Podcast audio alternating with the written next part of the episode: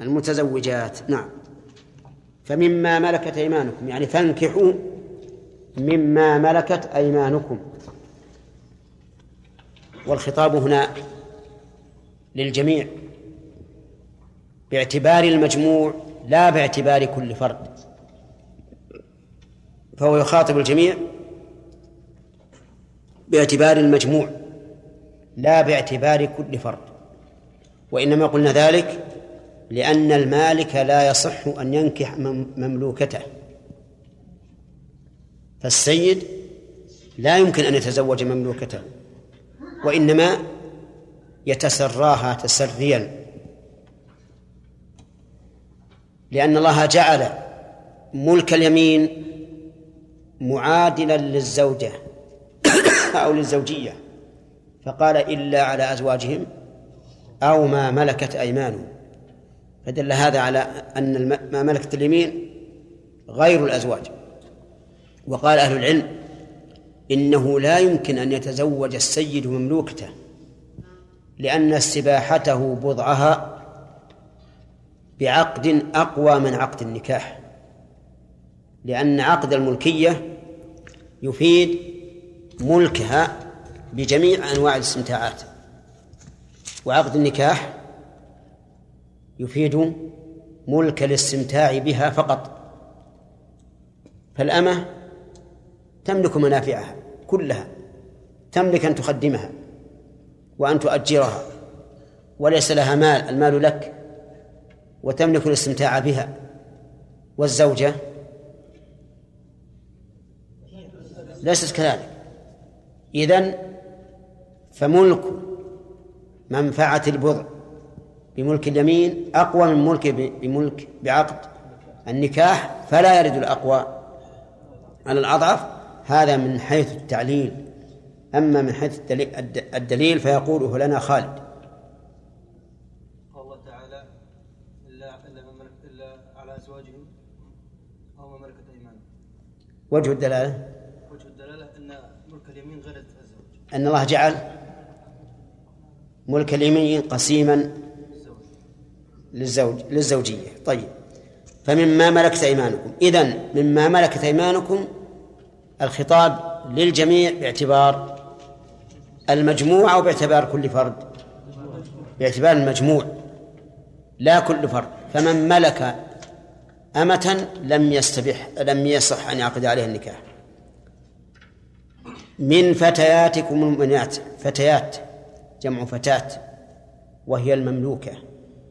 واشترط الله سبحانه وتعالى فيها الإيمان فقال المؤمنات. يعني لا بد أن تكون مؤمنة فإن كانت كتابية فإنها لا تحل حتى وإن وإن كانت ممن لا يجد طول الحرة. قال الله تعالى والله أعلم بإيمانكم بعضكم نعم الله أعلم بإيمانكم الجملة هنا جملة اعتراضية. يعني أن الله سبحانه وتعالى أعلم بالإيمان. فإذا اشترط فإذا اشترطنا فإذا اشترط الله الإيمان فليس لنا إلا الظاهر.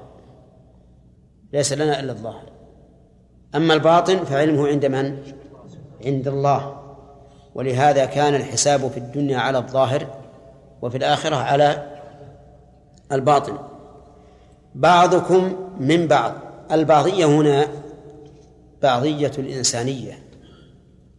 يعني أن أن الله أباح لنا الإماء لأنها من لأنهن منا. بشر مثلنا فبعضنا من بعض.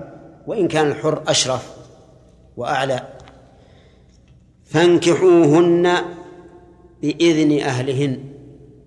الهمزة هنا فانكحوهن همزة وصل لأنها من نكح. أما قوله تعالى وأنكحوا الأيام منكم فهي همزة قطع لأنها من من الرباع من أنكح. وقوله فانكحوهن أصل النكاح أصله الاجتماع. لأنه لأن بعقده يكون اجتماع الزوج. والزوجة وكذلك اجتماع الأصهار بعضهم إلى بعض. وقد قال الله تعالى وهو الذي خلق من الماء بشرا فجعله نسبا وصهرا. فانكحوهن بإذن أهلهن أي برضا. الإذن بمعنى السماح والرضا. وأهل والمراد بأهلهن أسيادهن وذلك أن الأمة لا تملك نفسها ولا يملكها وليها بالنسب وإنما يملكها وليها بالسبب أي مالكها. ولذلك يزوج الأمة سيدها ولا يزوجها أبوها لأن ولاية السيد أقوى من ولاية الأب. ولهذا قال بإذن أهلهن وهن وهم أسادهن وآتوهن أجورهن بالمعروف. أعطوهن آتوهن أي أعطوهن. لأنها من الرباعي. وآتى الرباعي بمعنى أعطى. كما قال تعالى وآتى المال على حبه. أي إيش؟ أعطى المال. نعم. وآتوهن أجورهن بالمعروف. أجورهن أي مهورهن. وسمي أجرا لأنه عوض عن منفعة. وإضافته هنا أجورهن إضافة اختصاص. لا إضافة ملك. وذلك لأن الأمة لا تملك. لقول النبي صلى الله عليه وآله وسلم من باع عبدا وله مال فماله للذي باعه. فالإضافة هنا للاختصاص كإضافة سرج الدابة إليها. تقول سرج البعير سرج الفرس.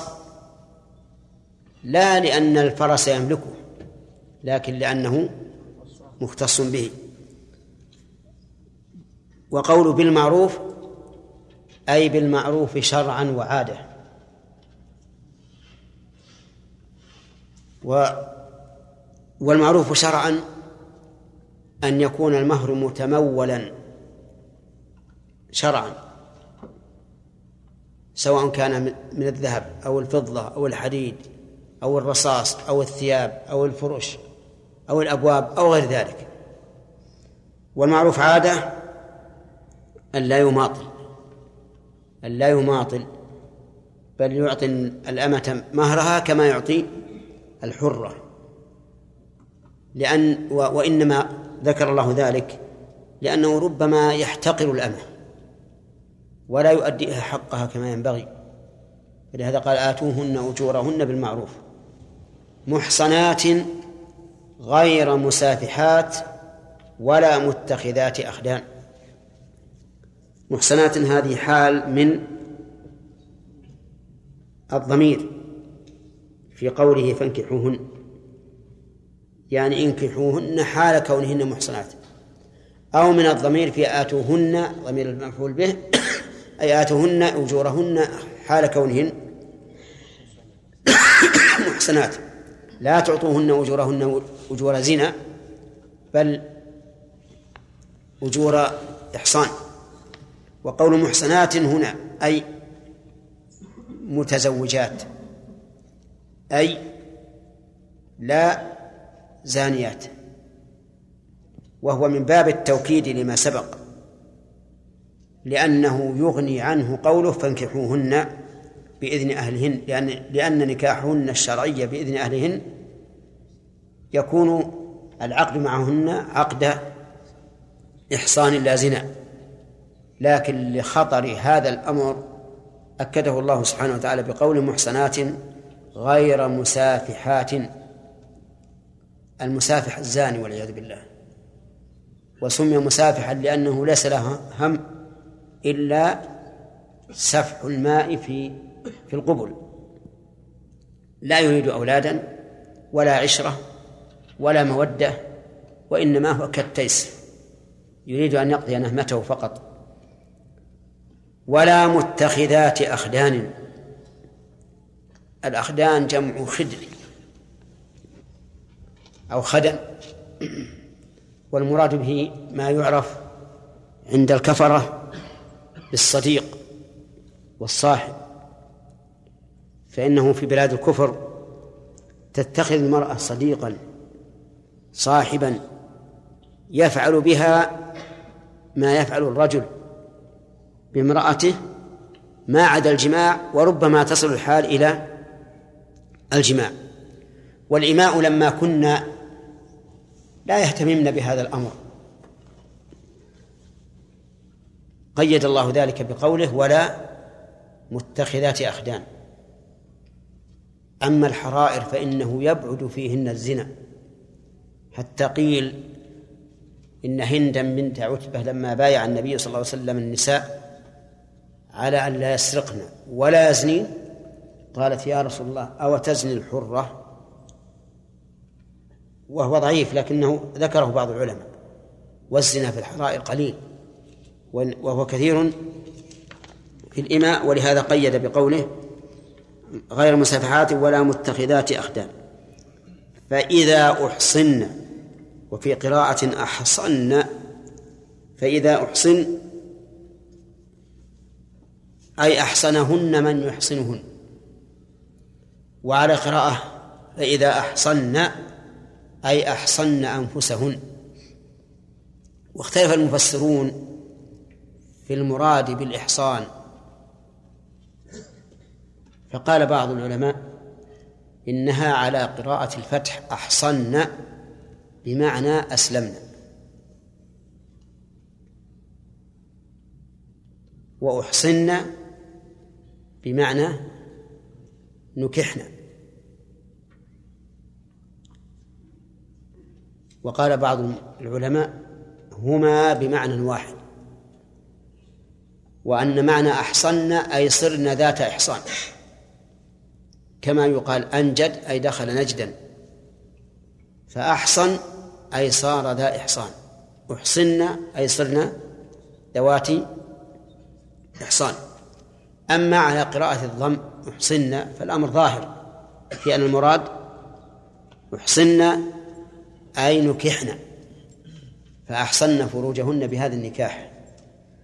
والصواب أنها بمعنى واحد أن الكلمتين بمعنى واحد وكونها بمعنى أسلمن بعيد لأن السياق هنا في سياق الفتيات المؤمنات. من فتياتكم المؤمنات والمؤمنة مسلمة. فإذا أحصن فإن أتين بفاحشة فعليهن نصف ما على المحصنات من العذاب. هذا شرط داخل في شرط. إذا أحصنا الشرط الأول. فإن أتينا هذا الشرط الثاني. فعليهن جواب الشرط الثاني.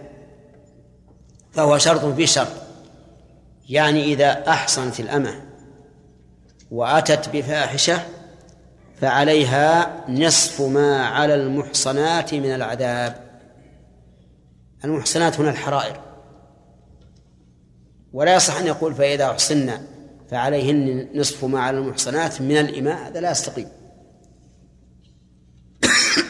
ولكن معنى نصف ما على المحصنات أي الحرائر من العذاب وعذاب الحرائر أن تجلد البكر مئة جلدة وأن ترجم الثيب. قال الله تبارك وتعالى ويدرأ عنها العذاب أن تشهد. والعذاب هو الحد لقوله تعالى الزانية والزاني فاجلدوا كل واحد منهما مئة جلدة ولا تأخذكما تأخذكم بهما رأفة في دين الله إن كنتم تؤمنون بالله واليوم الآخر وليشهد عذابهما طائفة من المؤمنين.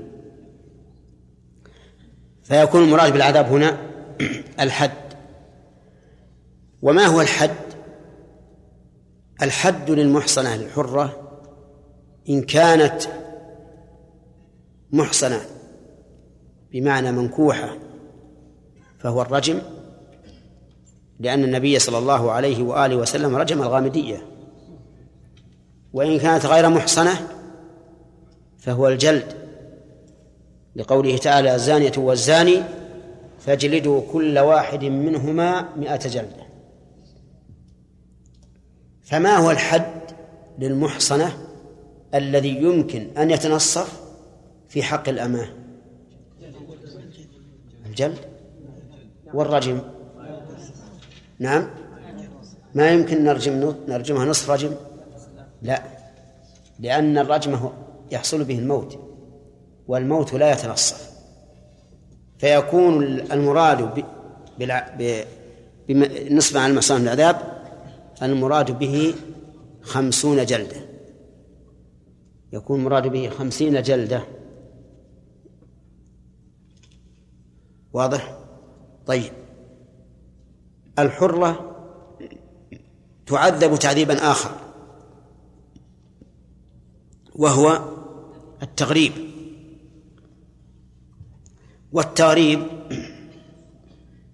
قد جاء في صحيح السنة أن النبي صلى الله عليه وآله وسلم قال لأبي العسيف على ابنك جلد مئة وتغريب وتغريب عام. وقال الرسول عليه الصلاة والسلام البكر بالبكر جلد مئة وتغريب عام. ولكن العلماء اختلفوا في تغريب الحرة. هل تغرب أو لا تغرب؟ فمنهم من قال إنها لا تغرب. لأن التغريب إنما هو لصيانة الإنسان عن الزنا. والمرأة إذا غربت ربما يزداد زناها لا سيما إذا لم يكن معها محرم. فلا تغرب المرأة. فإذا لم تغرب قلنا أن الأمة يكون عليها خمسون جلدة بلا تغريب لأن الحرة لا تغرب. ولكن إذا قلنا بالقول الثاني إنها تغرب فإنه هل تغرب الأمة كما تغرب الحرة؟ نعم. قال بعض العلماء تغرب نصف سنة. وقال بعض العلماء لا تغرب لأن تغريبها إضرار بمالكها. وقد قال الله تعالى ولا تزر وازرة وزر أخرى. ولكن هذا التعليل عليل. لأننا نقول إذا قلنا بأن التغريب حد فإنه كما يكون إضرارا بالسيد فالجلد إضرار بالسيد أيضا أليس كذلك؟ نعم هو إضرار بالسيد لأنها ربما تتأثر صحتها بذلك وستتأثر سمعتها بذلك وتنقص قيمتها طيب إذا قلنا بأن التغريب يرجع إلى اجتهاد الإمام في الحرة وليس بحد واجب فإن نقول أيضا يرجع التغريب في الأمة إلى اجتهاد الحاكم فالصواب أنها أن عليها نصف ما على الحرة من العذاب في الجلد والتغريب. طيب وإذا لم تحصن فإذا أحصن فإن أتينا بفاحشة فعليهن نصف ما على المحصنات من عذاب. إذا لم تحصن فماذا عليها؟ قال بعض العلماء ليس عليها شيء. ليس عليها شيء. عرفتم؟ لأن مفهوم الآية الكريمة أنها إذا لم تحصن فليس عليها شيء من العذاب. والمفهوم واضح. وإذا سكت الله عن شيء فهو مما مما عفى عنه. ولا شك أن زنا من أحصنت أقبح من زنا من لم من لم تحصن يعني من لم تتزوج. وقال بعض العلماء إذا أحسنت فعليها نصف ما على الحرة من العذاب وإذا لم تحصن فعليها العذاب كاملا. نعم. إذا أحصنت فعليها نصف ما على الحرة من العذاب وإذا لم تحصن فعليها العذاب كاملا. قال نأخذ بالآيتين الزانية والزاني فاجلدوا كل واحد منهما مئة جلدة. هذا عام. الحرة والأمة. خرج منه الأمة إذا أحسنت فعليها نصف ما على الحرة من العذاب. وبقيت الأمة غير المحسنة يعني غير المزوجة كالبكر التي لم تتزوج من الحرائر. والبكر التي والبكر التي لم تتزوج من الحرائر كم عد مئة جلدة وعلى هذا فإذا أحسنت الأمة فزنت فعليها خمسون جلدة وإذا لم تحصن فعليها مئة جلدة. من أحق الناس بهذا المذهب؟ الظاهرية. نعم. وهو كذلك. فإن الظاهرية قالوا بهذا. قالوا ما لنا إلا الظاهر.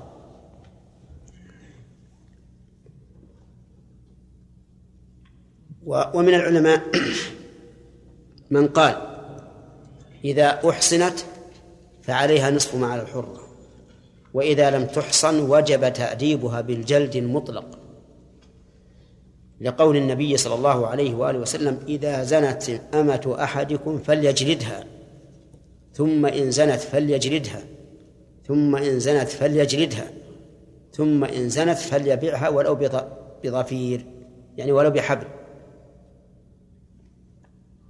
فقال فليجلدها وأطلق.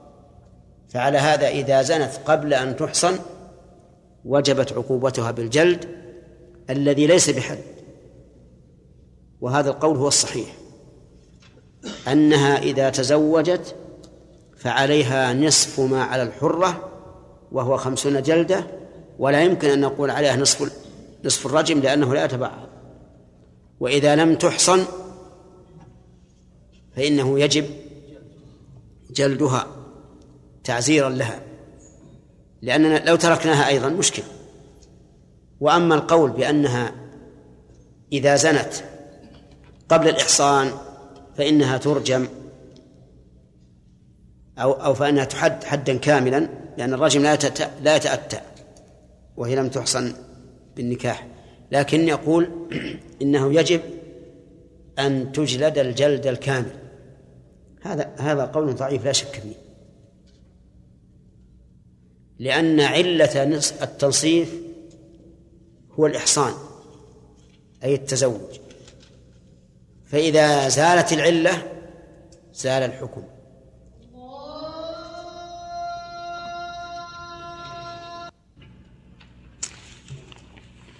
بسم الله الرحمن الرحيم.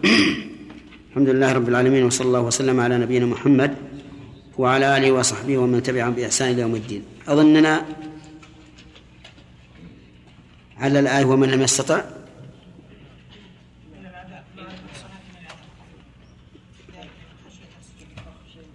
يعني بالتفسير يعني بالتفسير قال الله سبحانه وتعالى في بيان شروط نكاح الأمة.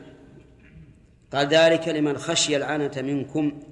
ذلك المشار إليه الحكم المذكور وهو جواز نكاح الإماء. لمن خشي العنة منكم. الجار والمجرور خبر المبتدأ خبر ذلكم ذلك والخبر محذوف. التقدير ثابت أو كائن. لمن خشي العنة منكم. خشية أي خاف.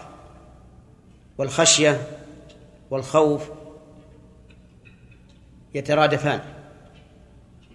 يترادفان فيحل بعضهما مكان الآخر. لكنهم فرقوا بينهما. لأن الخشية إنما تكون عن علم. لقوله تعالى إنما يخشى إنما يخشى الله من عباده العلماء. وبأن, وبأن الخشية يكون سببها عظم المخشي وإن كان الخاشي عظيما. وأما الخوف فسببه ضعف الخائف وإن كان المخوف ضعيفا فهي أقوى وأشد. فقول خشي العنة منكم أي خافها خوفا مؤكدا. أي خافه خوفا مؤكدا. والعنت يعني المشقة. ومنه قوله تعالى عزيز عليه ما عنتم أي ما شق عليكم. وقوله منكم بيان لمن؟ في قول لمن خشي. وأن تصبروا خير لكم. الجملة مبتدأ وخبر. لكن المبتدأ مؤول. فإن معنى وأن تصبروا خير خير لكم أي وصبركم. ومثلها قوله تعالى وأن تصوموا خير لكم. أي وصومكم خير لكم. فالمبتدا هنا هو المصدر المؤول من أن والفعل. وقول تصبروا أي تحبسوا أنفسكم لأن الصبر هو الحبس. تحبسها عن أي شيء؟ عن نكاح الإماء حتى مع وجود الشرطين.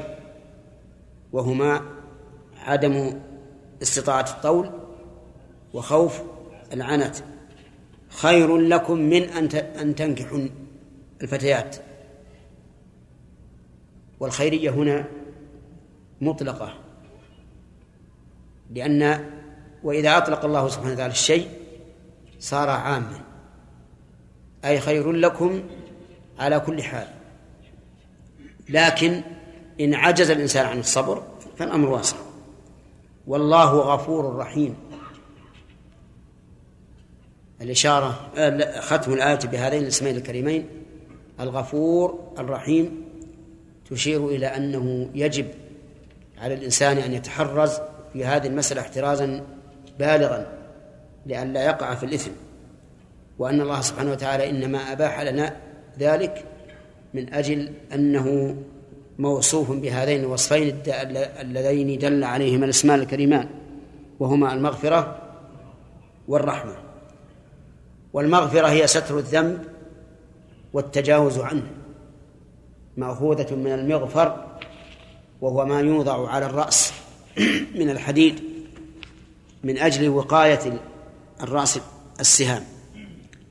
ويحصل به ستر ووقاية. فالمغفرة مشتملة على على هذين المعنيين. الستر والوقاية من العذاب. فليست سترا فقط ولا وقاية من العذاب فقط بل ستر ووقاية. وأما الرحمة فهي صفة من صفات الله عز وجل تقتضي الإحسان للخلق ودفع الضرر عنهم. والله سبحانه وتعالى سمى نفسه بالرحمن وبالرحيم ووصف نفسه بأنه ذو الرحمة وربك الغفور ذو الرحمة. وهي صفة مستقلة عن الإرادة وعن الإحسان فهي عند السلف وأئمة أهل السنة صفة زائدة على أو مستقلة عن الإرادة أو الفعل. وحرف معناها من لا يرى ثبوت الرحمة لله. ويقال إن المراد بالرحمة إرادة الإنعام أو الإنعام نفسه. إرادة الإنعام أو الإنعام نفسه. وإنما حرفوها إلى هذا المعنى لأنهم يثبتون الإرادة. فقالوا إرادة الإحسان. أو الإحسان نفسه لأن الإحسان منفصل عن الذات. فلا يمتنع عندهم وقوعه من الله عز وجل. وهؤلاء هم الأشاعرة وفي الحقيقة أنهم لو لو رجعوا إلى أنفسهم لوجدوا أن الرحمة أن تفسيرهم الرحمة بهذا يستلزم ثبوت الرحمة. لأن إرادة الإحسان لا تكون إلا رحمة بمن استحقه ومحبة للإحسان. والإحسان الذي هو نفس المنفصل عن الله لا يكون إلا من آثار الرحمة. فعلى كل حال مذهب مذهبنا ولله الحمد مذهب السنة والجماعة أن كل ما سمى الله به نفسه أو وصف به نفسه فهو ثابت له على وجه الحقيقة لكن بدون تمثيل. وبدون تكييف. هذه الآية الكريمة فيها فوائد. من لم يستطع منكم طولا إلى آخره. أولا الحث على تزوج الحرائر المؤمنات. وجه ذلك أن الله لم يرخص في العدول عن نكاح إلا لحاجة وعذر لقوله ومن لم يستطع منكم طولا أن ينكح المحصنات. ومن فوائدها أنه لا بد في النكاح من مال. لقوله ومن لم يستطع منكم طولا. ومن فوائدها أنه لا ينبغي لمن لم يستطع الطول أن يستدين بل يعدل إلى طريق آخر. دون الطول الذي عجز عنه. لقوله فمما ملكت أيمانكم. ويؤيد ذلك من السنة قصة الرجل الذي طلب من النبي صلى الله عليه وآله وسلم أن يزوجه الواهبة نفسها للرسول صلى الله عليه وآله وسلم. حين قال زوجنيها فطلب منه النبي صلى الله عليه وآله وسلم طلب منه المهر. فقال ليس عندي شيء. ولا خاتم من حديد ولم يقل استقرض بل سأله هل معه شيء من القرآن؟ قال نعم. قال زوجتكها بما معك من القرآن. ويؤيد ذلك أيضا قوله تعالى وليستعفف الذين لا يجدون نكاحا حتى يغنيهم الله من فضله وأيده أيضا قوله تعالى يا قوله صلى الله عليه وآله وسلم يا معشر الشباب من استطاع منكم الباءة فليتزوج فإنه أغض للبصر وأحسن للفرج ومن لم يستطع فعليه بالصوم فإنه له وجاء. ومن فوائد هذه الآية الكريمة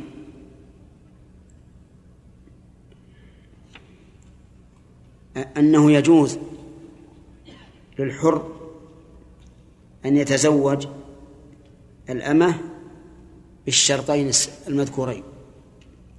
أن لا يجد طول حرة حرة مؤمنة. المحصنات المؤمنات.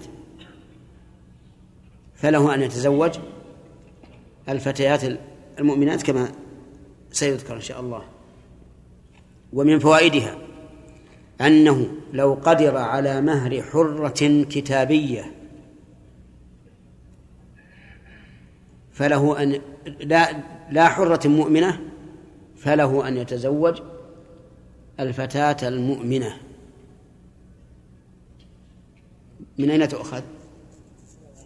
من قولها المحصنات المؤمنات فإذا كان الإنسان عنده خمسة آلاف ريال لا تكفي لنكاح الحرة المؤمنة ولكنها تكفي لنكاح الحرة الكتابية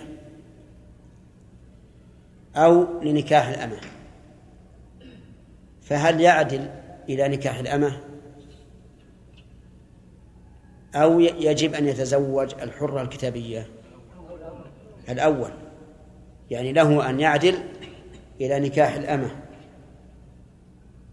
المؤمنة دون الحرة الكتابية. هذا ظاهر القرآن. وقال بعض العلماء بل الحرة الكتابية أولى من الأمة المؤمنة أولى من الأمة المؤمنة وذلك لأن أولاد الحرة الكتابية ينشؤون على أنهم أحرار وأولاد الأمة المؤمنة ينشؤون على أنهم أرقاء مملوكين لسيدها. وهذا الثاني هو المشهور من مذهب الإمام أحمد رحمه الله أنه لو قدر على نكاح أمة أو نكاح كتابية فإنه لا يجوز أن يتزوج الأمة بل يتزوج الكتابية ولكن ظاهر القرآن مقدم لأن لأن الله تعالى قال ولا أمة مؤمنة خير من مشركة ولو أعجبتكم. ولأن الكتابية لا يؤمن أن تضل زوجها لا سيما إذا كانت ذات شهادة عالية وليس عنده مثل هذه الشهادة أو كانت فصيحة اللسان قوية البيان فإنها قد تؤثر على الزوج فيرتد ويكون يهوديا أو نصرانيا لا سيما أيضا إذا كان عندها مال. وهو فقير. فإنها تؤثر عليه.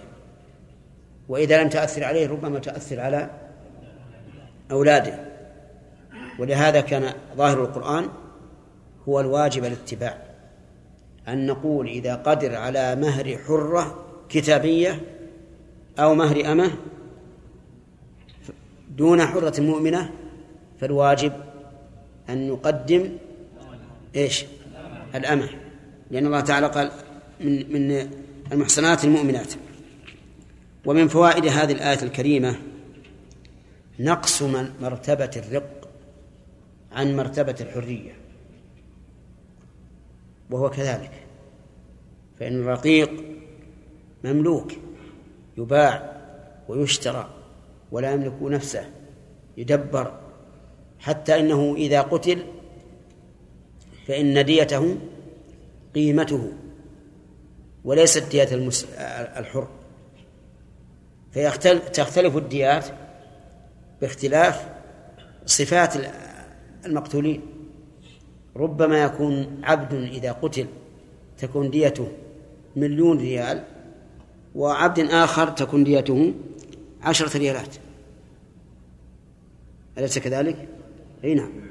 فلهذا لا شك أن مرتبة الحرية أعلى من مرتبة الرق. ومن فوائد هذه الآية الكريمة أنه لا يحل لمن لا يجد طول المؤمنة الحرة المؤمنة أن يتزوج أمة كتابية. من أين يؤخذ؟ من قوله فتياتكم مؤمنات فلا يحل أن يتزوج أمة كتابية. إذا إذا عجز عن طول الحرة المؤمنة. طيب إذا لم يعجز عن طول الحرة المؤمنة فهل يتزوج أمة كتابية؟ من باب أولى. وبهذا تبين أن الأمة الكتابية لا يحل للمؤمن تزوجها.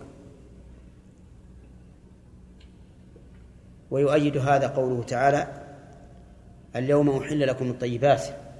وطعام الذين أوتوا الكتاب حل لكم وطعامكم حل لهم والمحصنات من المؤمنات والمحصنات من الذين أوتوا الكتاب من قبلكم إذا آتيتموهن أجورهم. فالمحصنات هنا الحرائر ويحتمل أن يكون المراد بها العفيفات عن الزنا لكن هذه الآية تدل على أن المراد الحرائر وأن الإماء من أهل الكتاب لا يحل تزوجهن مطلقا. ومن فوائد هذه الآية الكريمة إثبات علم الله عز وجل لما كان غيبا خفيا. لقوله والله أعلم بإيمانكم. ومن فوائدها جواز استعمال صيغة التفضيل في صفات الله عز وجل. فيقال الله أعلم الله أكبر الله أعز الله أعظم وما أشبه ذلك. خلافا لمن قال إن هذا لا يجوز وأنه يجب أن نفسر اسم التفضيل باسم الفاعل. فنقول والله فيقول هذا القائل والله أعلم بإيمانكم أي عالم بإيمانكم. وما علم هذا القائل؟ أن أن قوله والله عالم بإيمانكم أدنى من قوله والله أعلم بإيمانكم. لأن عالم اسم اسم فاعل.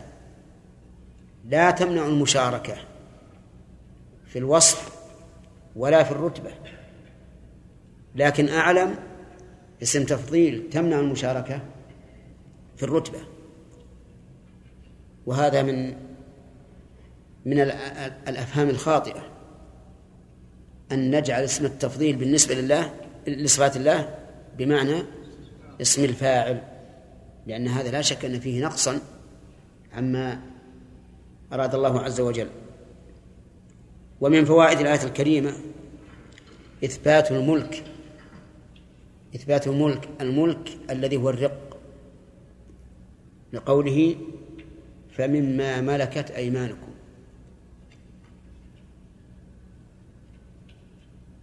وهذا الحكم ثابت إلى يوم القيامة. لا يمكن أن يرفع بأي حال من الأحوال. متى وجدت أسبابه الشرعية فإنه ثابت. نعم إذا لم توجد مثل أن ينهب الإنسان من بني آدم من ينهب ويأتي بهم إلى أسواق الناس يبيعهم. فهنا لا يمكن أن نثبت الرق بهذه الطريقة. لكن إذا ثبت الرق بطريقه الشرعي فإنه ثابت ولا يمكن رفعه. لقوله فمما ملكت أيمانكم. وهنا نسأل هل ملك الإنسان لما يملك من آدمي أو بهيمة أو عقار أو غيره هل هو ملك تام؟ الجواب لا ليس ملكا تاما. ولذلك لا يتصرف الإنسان فيما يملك كما يحب بل تصرفه مقيد بالشرع.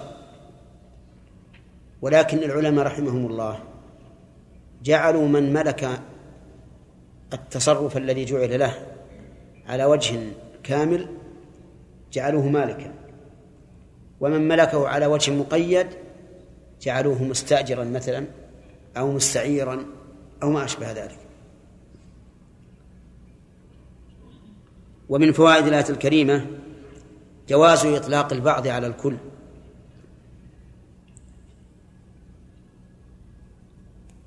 من أين تؤخذ؟ مالك مما ملكت أيمانكم.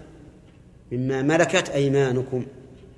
والمراد مما ملكتم لأن اليد وحدها لا تملك. ومن فوائد الآية الكريمة. أن ومن فوائد الآية الكريمة استعمال ما يكون سببا لقبول الحكم وهو ما يمكن أن نعبر عنه بتخفيف الأمر على المحكوم عليه. لقوله بعضكم من بعض. وذلك أن العرب كانوا يأنفون أنفة كبيرة بالنسبة للأرقاء ويرون أن من نكح رقيقة شيئا شيئا فاحشا عظيما. يقول الرقيقة مملوكة والبعير مملوكة فإذا نكحت الرقيقة فهو أي نعم يرونها كبيرة جدا. ولهذا أرشد الله إلى هذا الأمر بقوله بعضكم من بعض لتهوين الأمر على على الناس.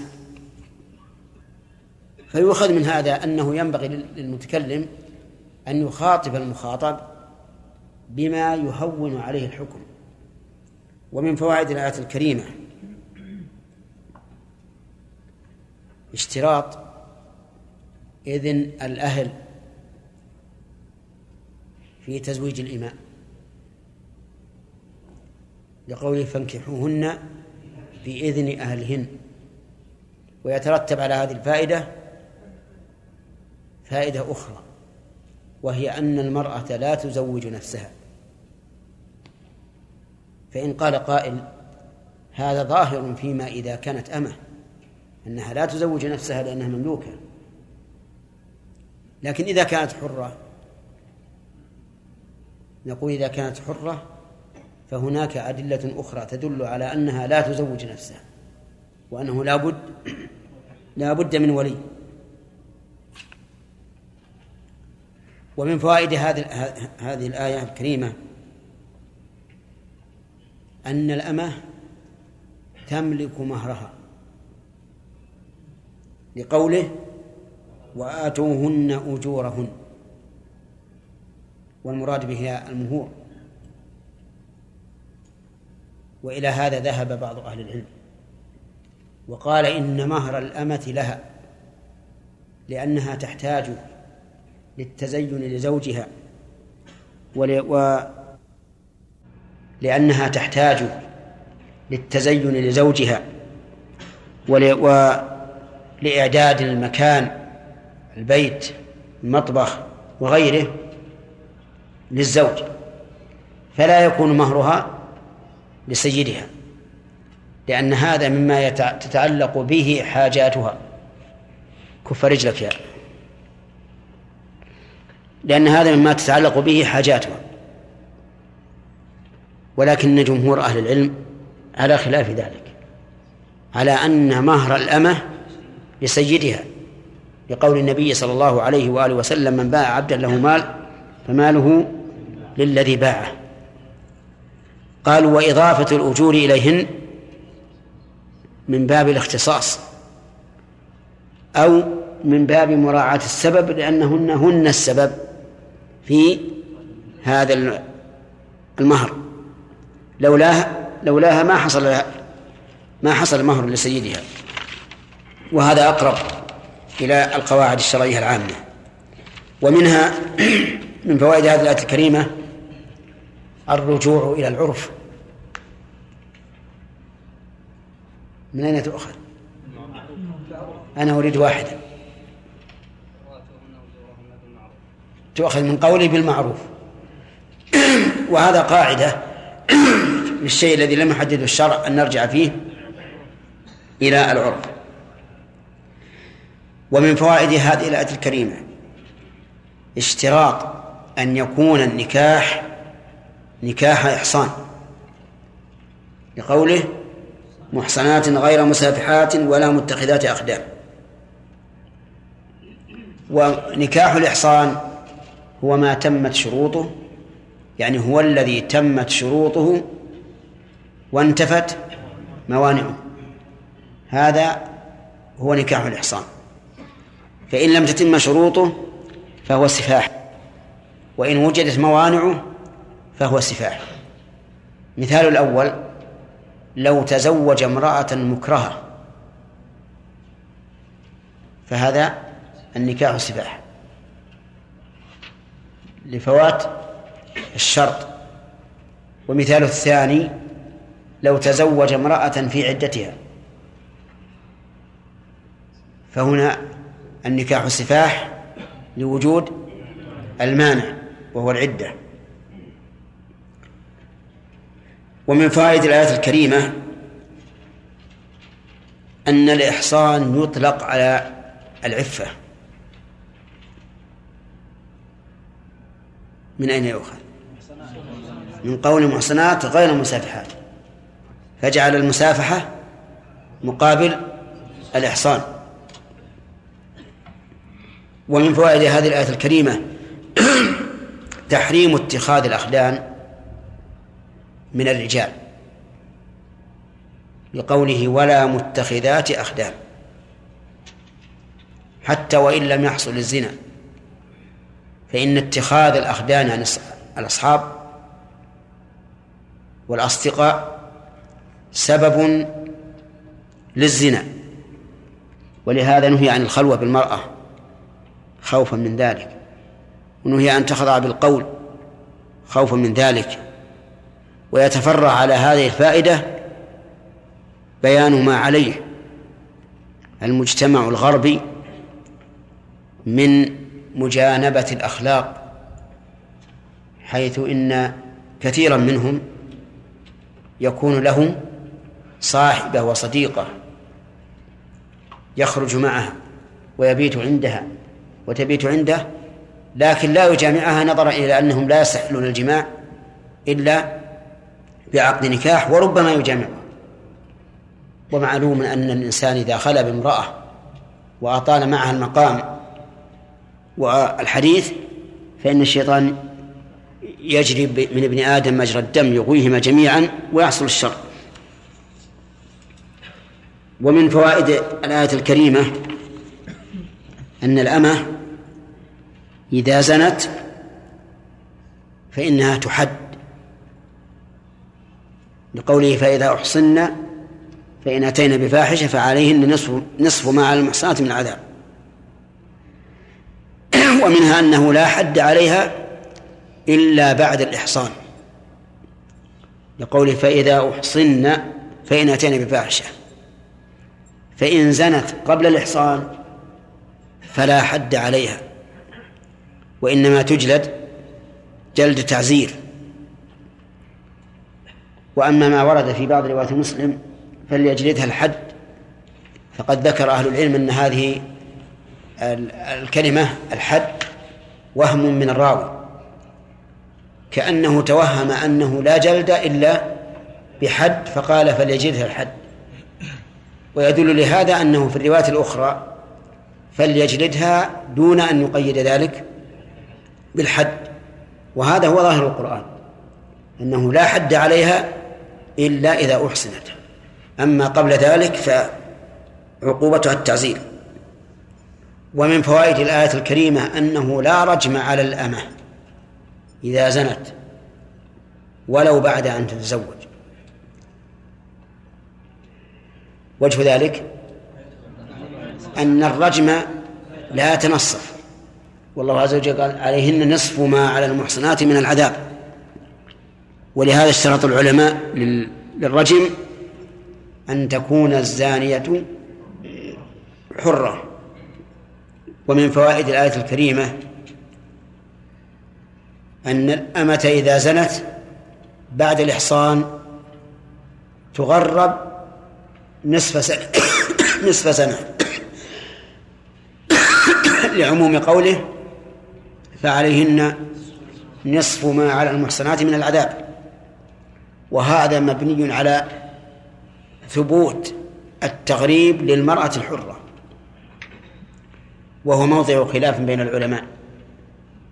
فإن من العلماء من يقول التغريب إنما هو للرجل فقط دون المرأة. وعلل ذلك بأن تغريب المرأة إغراء لها بالمفسدة لأنها إذا غربت انفردت عن أهلها ومن يراقبها وصار منها من الش... وصار لها من الشر أعظم مما لو كانت عند أهلها. فقال لا تغرب الحرة وعلى هذا القول لا تغرب الأمة من باب أولى. ثم على القول بأن الحرة تغرب كما هو ظاهر حديث عبادة بن الصامت البكر بالبكر جلد مئة وتغريب عام. يبقى النظر هل تغرب الأمة أو لا. إن أخذنا بعموم قوله فعليهن نصف ما على المحصنات من العذاب فما الحكم السلامة؟ فإنها تغرب نصف سنة. وإن قلنا بأن لدى الأمة مانع من التغريب وهو حق السيد. لأنها إذا غربت فقد تهرب ولا ترجع إلى سيدها. ثم إن لديها من ضاعة المكانة ودن أو دنو المكانة ما لا يمنعها من الفاحشة بخلاف الحرة. فلهذا ذهب بعض أهل العلم ذهب بعض أهل العلم إلى أنه لا تغريب في حق الإمام ولا في حق العبيد للسبب الذي ذكرنا أن تغريبهم يغريهم في فعل الفاحشة لأنهم دون الأحرار في الشرف ولا يهمهم أن يفعلوا الفاحشة. وهذا القول قوي قوي جدا أنها لا تغرب. نعم. من فوائد الآية الكريمة أنه يشترط لجواز نكاح الإماء أن يلحق الإنسان مشقة بترك ذلك. لقوله ذلك لمن خشي العنة منكم. ومن فوائد الآية الكريمة حسن الترتيب في سياق القرآن. لأن الله سبحانه وتعالى ذكر مسألة الزنا بين ذكر الشروط في في نكاح الأمة. للإشارة إلى أن عند الأمة من دنو المنزلة ما لا يمنعها من إيش؟ من الزنا. فهذا من جملة النهي عن نكاح الإماء إلا بالشروط. إذن يشترط شرطان. الشرط الأول أن لا يجد مهر حرة مؤمنة. والشرط الثاني ها؟ أن يخاف المشقة بترك النكاح. واشترط بعض العلماء أن لا يجد ثمن أمة. قال فإن وجد ثمن أمة فإنه لا يحل أن يتزوج الأمة. وأخذ هذا الشرط من المعنى. وإن كان لا يوجد في الآية الكريمة لكن أخذه من المعنى. فقال إذا كان قادرا على ثمن الأمة فإنه يشتري أمة ويضعها بإيش؟ بملك اليمين لا بالنكاح.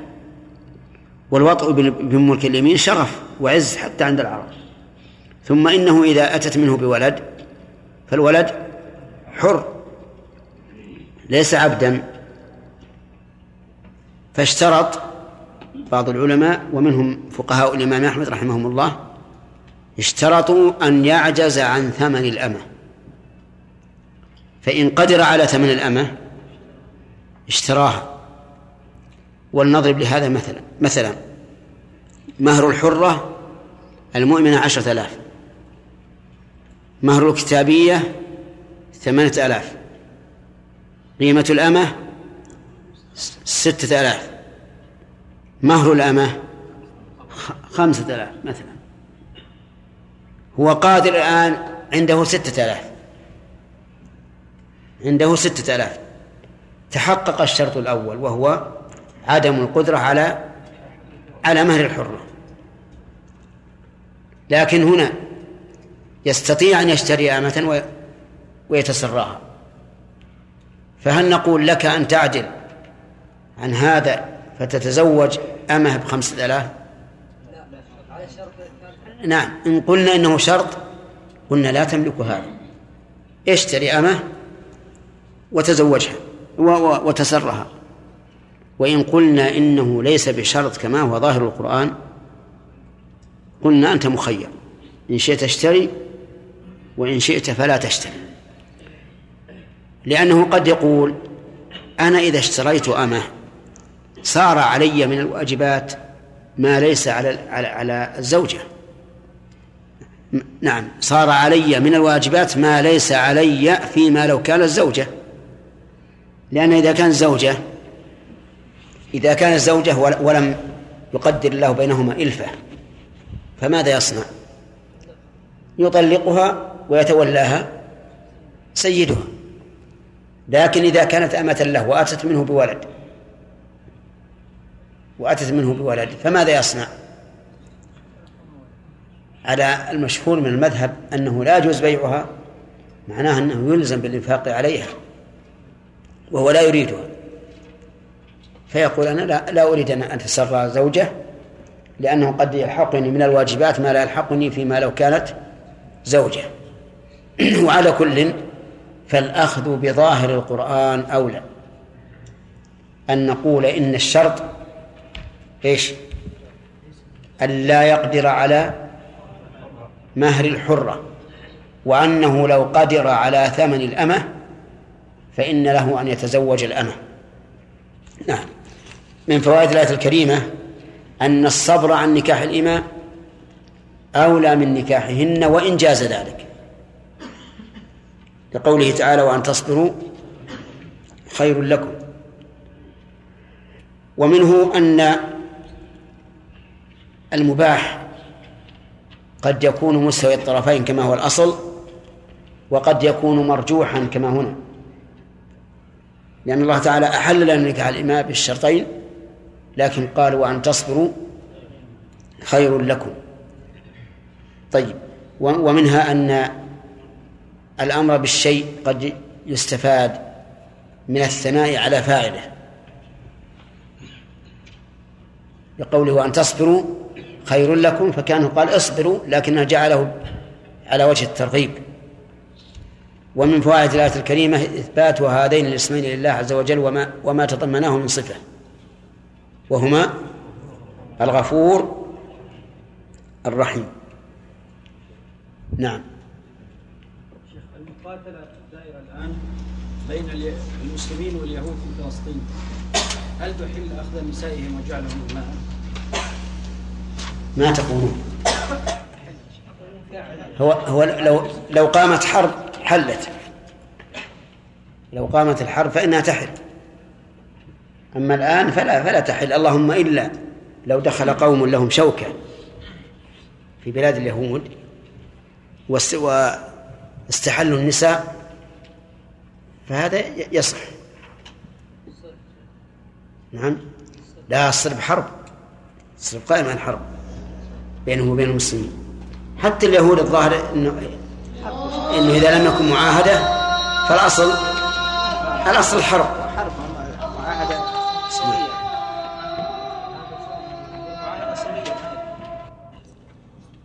عفي عن سبعة منهم ونصب بدلهم عشرة. علي الأخ اسمك محمد؟ أحمد ال إيه. عرضها علي.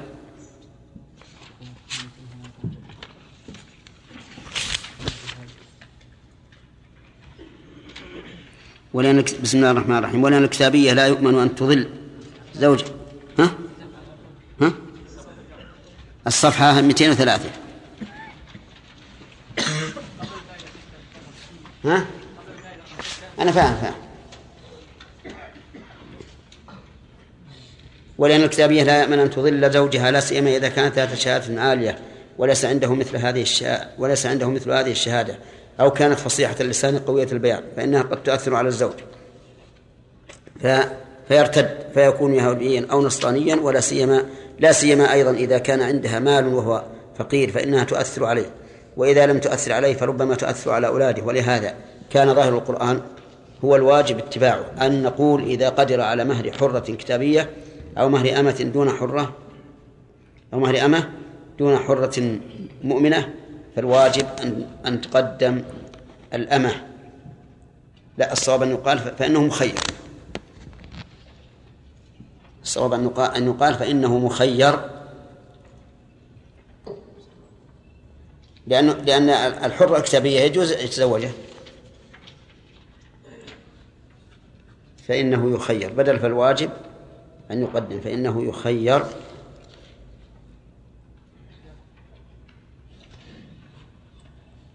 يخير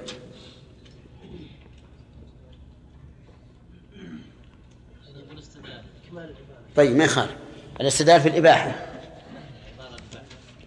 نعم فإنه يخير. لأن الله قال المحسنات المؤمنات. نعم. بدل فالواجب أن يقدم الأمة نكتب فإنه يخير. وما بعدها؟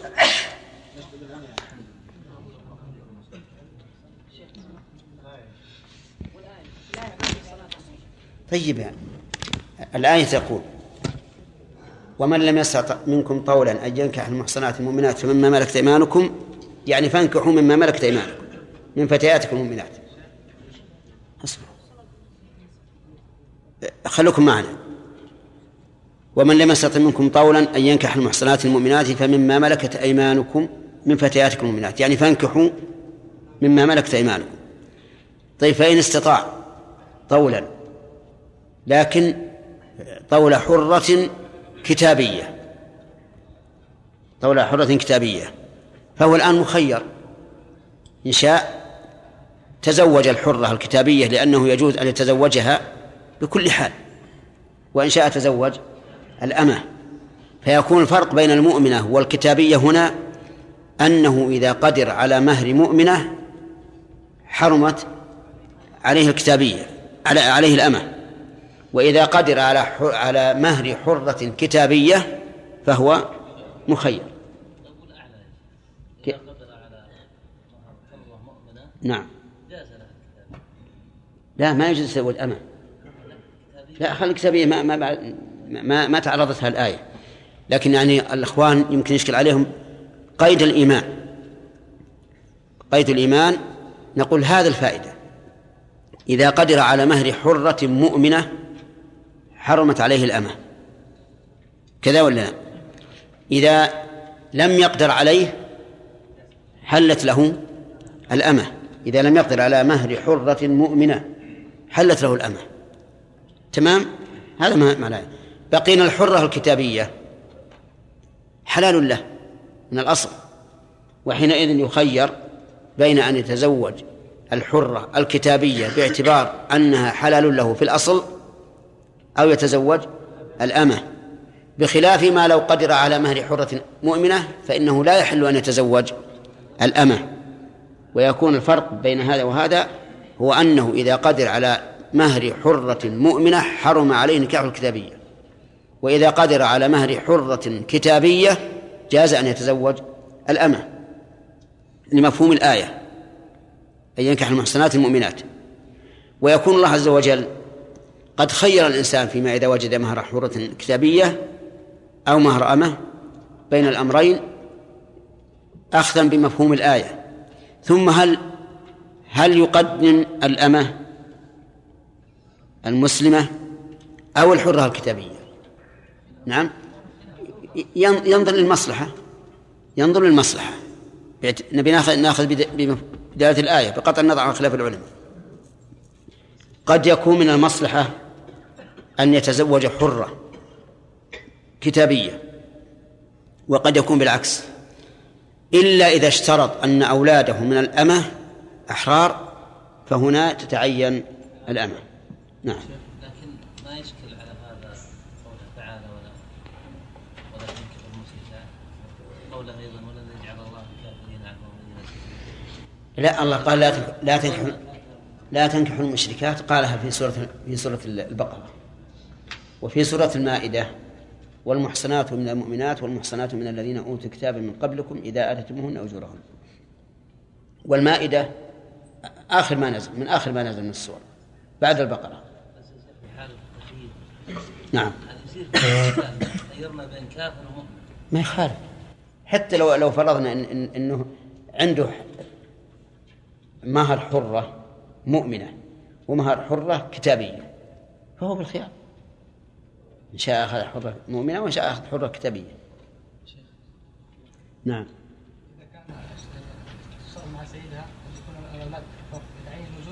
كيف؟ إذا اشترط حريتهم فالظاهر أنه أنه أنه في هذه الحال يزول المحذور. يزول المحذور. إلا في إلا إلا فيما إذا وجد مهر حرة مؤمنة فالصحيح أنه لا يجوز أن يتزوج الأمة ولو شرط حرية أبنائها خلافا لشيخ الإسلام ابن تيمية رحمه الله. والمحسنات من الذين أوتوا الكتاب. نعم. الذين أوتوا الكتاب من قبل يعني اليهود والنصارى. إي نعم لأنهم قبلهم. بهذا الواقع. لئلا يظن كل من معه كتاب ولو من من, من يدعي انه أن معه كتاب كالمجوس مثلا يقول ان إن لهم كتاب فرفع. وأن لهم شبهة كتاب. والصحيح أنهم ما لهم شبهة كتاب وأنهم هم لا يحل نكاح نسائهم. وأن أخذ الجزية منهم كما ثبت في البخاري من أجل أنها تؤخذ من كل كافر. نعم. قول المحصنات المؤمنات. بعض العلماء يقول المؤمنات هنا على سبيل الغالب. نعم. والمقصود يعني المحصنات مطلقا نعم. يشمل الكتابية وغير الكتابية. نعم. هذا صحيح؟ لا. ما هو صحيح. لأنه فرق بين المؤمنة والكافرة فرق بين المؤمن والكافر على هذا القول يعني يحل له أن يتزوج الكتابية وليس بالخيار ولا يجوز له إذا كان معه مهر حرة كتابية لا يجوز له أن يأخذ آه، أمة مسلمة أمة مؤمنة لأن الله عز وجل اشترط المحصنات. لا المؤمنات. المؤمنات يقول على سبيل التغليظ لا ما هو صحيح. ما نوافق عليه. نرد هذا؟ نرد بأن الأصل في القيد. الاحتراز. بدليل يا شيخ الآية الأخرى الله عز وجل حل المحصنات. الكتابيات. نعم يحل ولهذا ما ما- منعناه. قلنا له إذا كان عندك مهر حرة أم مؤمنة حرمت عليك الأمة. حرم عليك نكاح الأمة. إذا كان معك حر مهر حرة كتابية فظاهر الآية يجوز لك أن تتزوج الأمة. شيخ الله عز وجل سوى بين المحصنة المؤمنة والمحصنة الكتابية. وين هو فيه؟ في الآية في الآية أحل لكم المحصنات ما يخالف هذا في نكاح في الأصل. لكن في نكاح الأمة. يعني تحول الإنسان من نكاح حرة إلى نكاح أمة اشترط الله أن لا يجد مه- مهر حرة مؤمنة. فإن وجد مهر حرة كتابية فظاهر الآية أنه يجوز أن يتزوج الأمة. واضح؟ زين. نعم. الأمة ما هي أعلى مرتبة من الحرة المشركة؟ لا هي المشركة الكتابية قل نعم. كل واحدة أعلى من الأخرى من وجه. هذه من جهة الإسلام أعلى وهذه من جهة الحرية أعلى. الحرة الكتابية إذا تزوجها فأولاده أحرار والأمة المسلمة إذا تزوجها فأولاده أرقاء. نعم. كل واحدة أعلى من, من, من الأخرى من وجه ليس التزوج من امرأة من فتاة رافضية أم لا؟ هذه مسألة ثانية. ما, هي- ما دخلت في الموضوع. نعم. فضيلتكم أنه لابد من المال في النكاح. ها؟ أنه لابد من المال في النكاح. نعم. أنه لابد في النكاح من المال. والرسول صلى الله عليه وسلم زوج رجلا بما معه من القرآن. نعم. أي لأنه لم يجد مالا فزوجه بما معه من القرآن يعلم المرأة. والتعليم عوض يؤخذ عنه المال. إي نعم نعم. نقرأ. ها؟ لا لا نعم. لو وجد ثمن أمة هذا الثمن يستطيع أن يشتري به أمة وهذا الثمن يستطيع به أن يتزوج أمة لكن ما يستطيع به أن يتزوجها؟ يعني معناه أنه يستطيع أن يحصل أمة بالملك أو بالتزويج. كذا؟ ها؟ أي موجودة. لكن على كل حال يشتري الأمة. لأنه سيطأها بملك اليمين ويكون أولاده أحرارا. نعم. المذهب وجوبا. في قول ثاني لا. إحنا ذكرنا في في الشرح. قلنا كل واحد فيه عيب. الأمة قد يكون أنا قد يقول أنا إذا اشتريتها لزمت بنفقتها وأتعبت بها. وال- والزوجة أطلقها وأفتك منها. ذكرنا فيها بحث وافر نعم. فتزوج أمة شيخ الولد الذي يأتي منها يكون عبد رقيق. رقيق لمالكها. أي نعم. لما حملت أعتقت. نعم. هل يكون الجريمة يتبع أمه ما لم يشترط لكن يا شيخ خلق نعم. أي ولو يتبع أمه. نعم. سليم.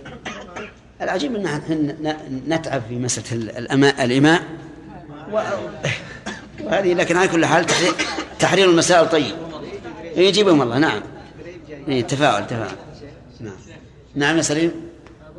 بالنسبة للإشكال مع من الامر ما في إشكال مثل ذلك كيف؟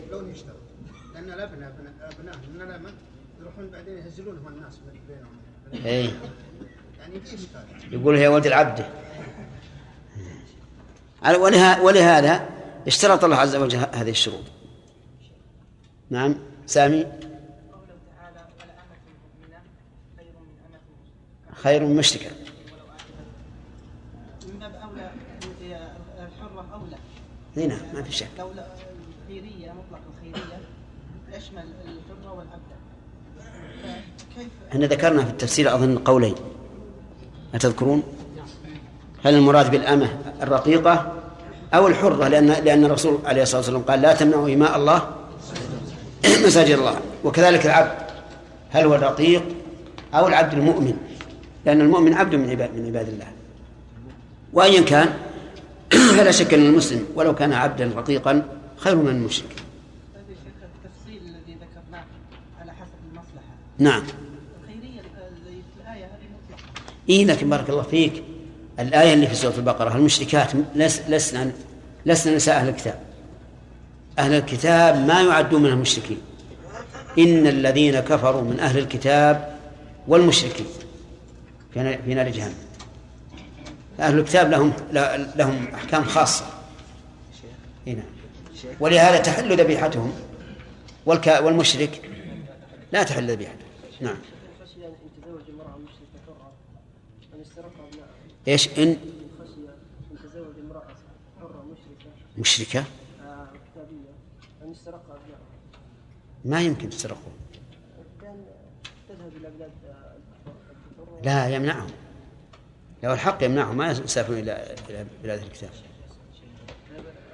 ترى أن ما في دراسة بعد بعد- صلاة العشاء لأن عندنا الأخ عبد الكريم بن مقرن آه، نور على الدرب. نعم.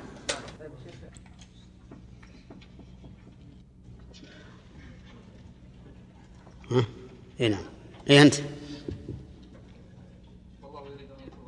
ما أنت؟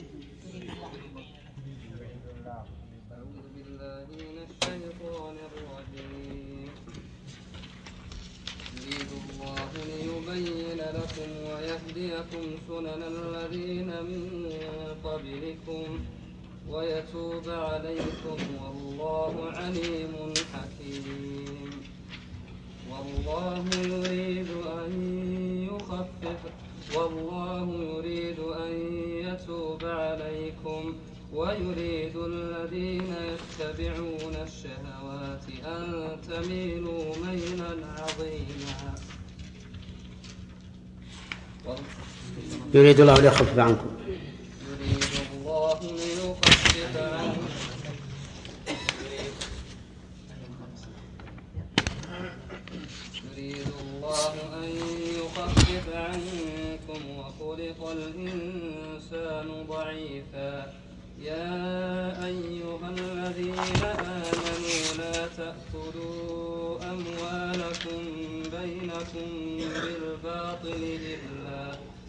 إلا أن تكون تجارة عن تراض منكم ولا تقتلوا أنفسكم إن الله كان بكم رحيما.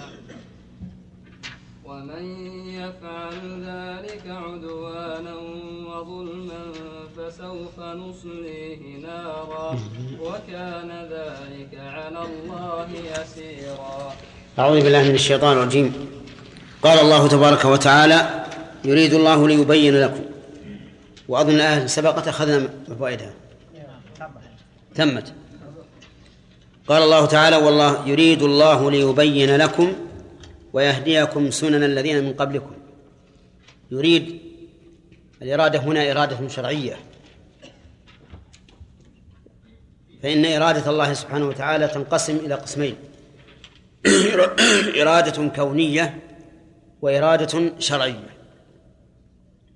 والفرق بينهما أن الإرادة الشرعية تتعلق فيما يحبه ويرضاه فقط وقد يقع فيها المراد وقد لا يقع. وأما الإرادة الكونية فتتعلق في كل ما شاء وقد يكون محبوبا لله وقد يكون مكروها له ولا بد أن يقع فيها المراد لأنها بمعنى المشيئة وما شاء الله كان وما لم يشأ لم يكن. فإذا كانت الإرادة بمعنى المحبة يعني بمعنى أنه يصح أن يحل محلها أحب أو يحب فهي إرادة شرعية. وإذا كان يحل محلها يشاء أو شاء فهي إرادة كونية. يقول الله عز وجل يريد الله ليبين لكم أي يحب ذلك. وقد فعل سبحانه وتعالى.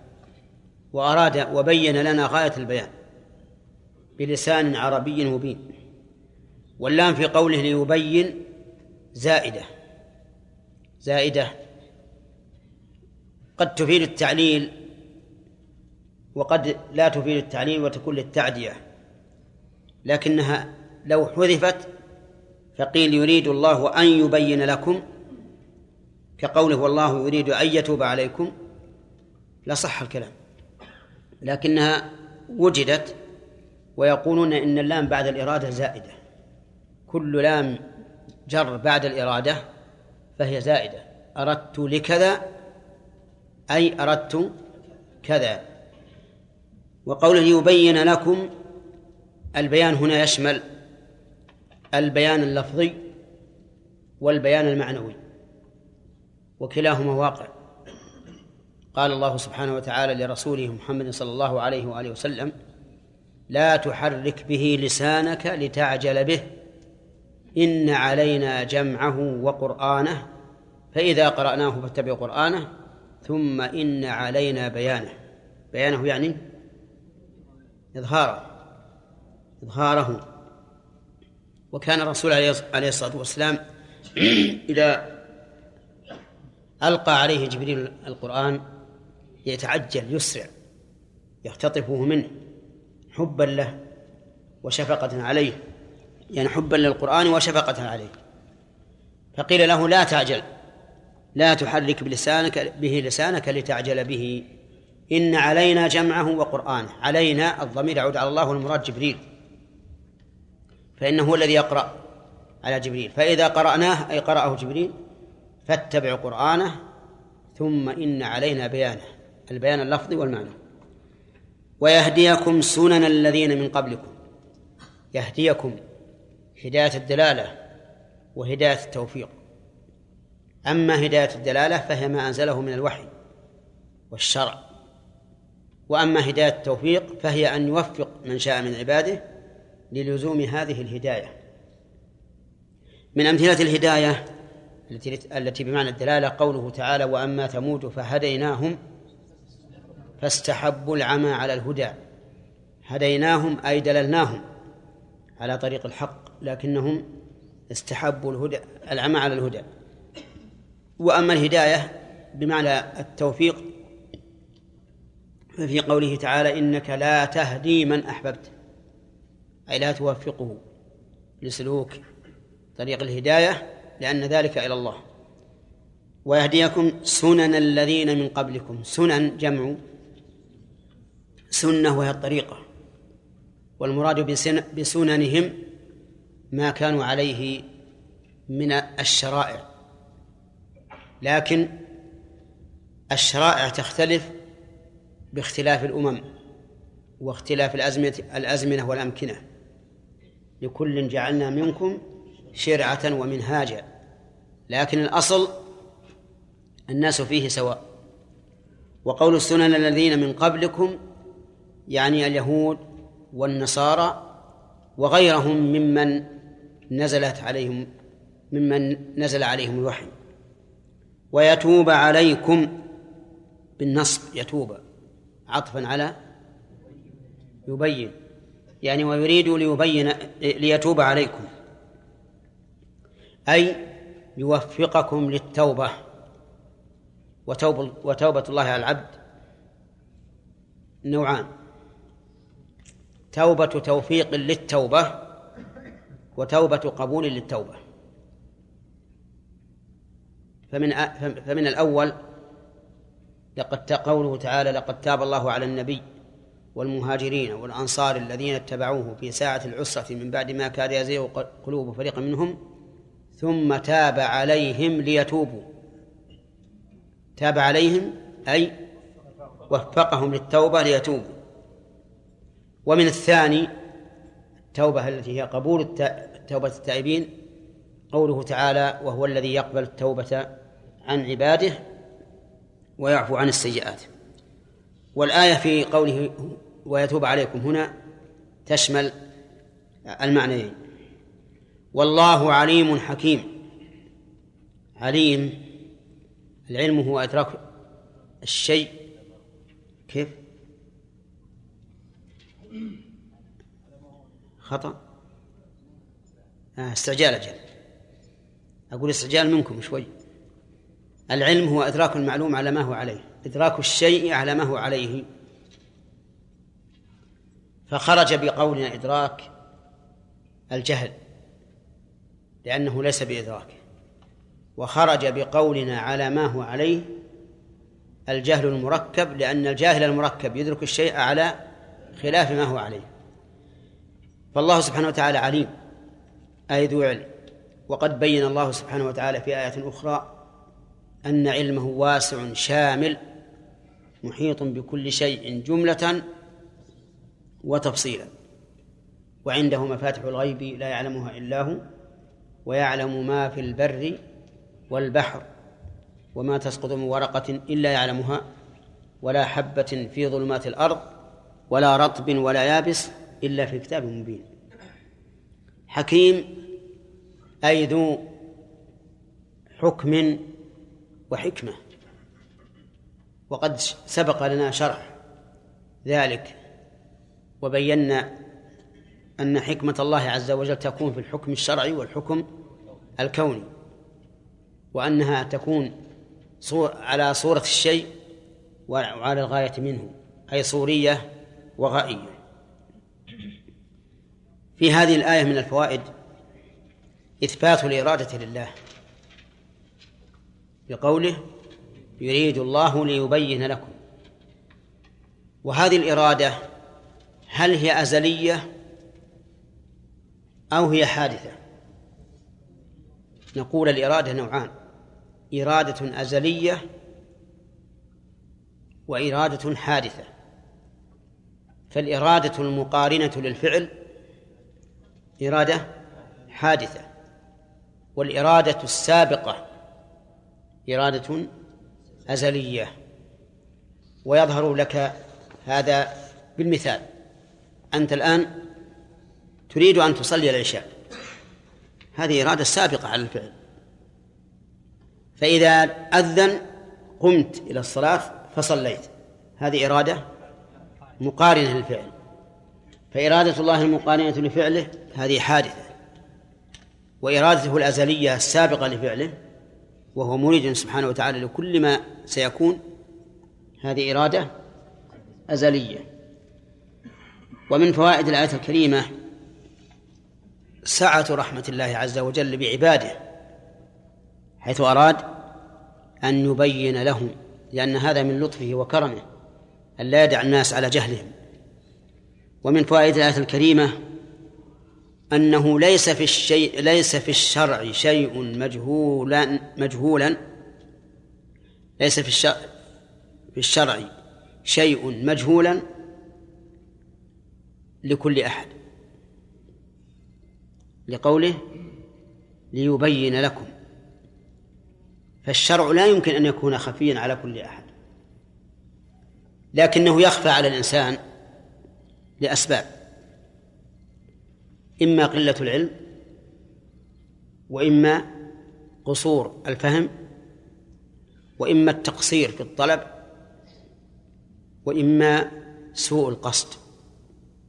أربعة أسباب لخفاء الحكم الشرعي على الإنسان. له أربعة أسباب. الأول قلة العلم مثل أن يكون الإنسان لم يراجع ولم يطالع ولم يستوعب كتب العلماء. هذا تخفى عليه الأحكام الشرعية لقلة علمه أو قصور فهمه. يكون عنده علم يكون عنده علم واسع. لكنه حجر لا يفهم. هذا أيضا يفوته شيء كثير من الأحكام الشرعية. أو لتقصير في الطلب. إنسان مقصر. عنده علم عنده فهم لكن ما يحرص على أن يحقق المسائل وينقحها ويحررها. فيفوته شيء كثير. الرابع سوء القصد.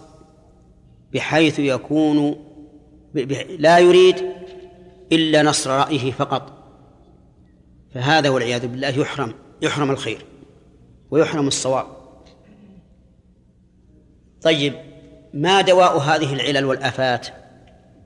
الأول قلة العلم دواؤه كثرة العلم أن يراجع الإنسان طالع كتب العلماء كتب الحديث كتب التفسير يراجع. قصور الفهم. ها؟ هذا مشكل لأنه غريزة.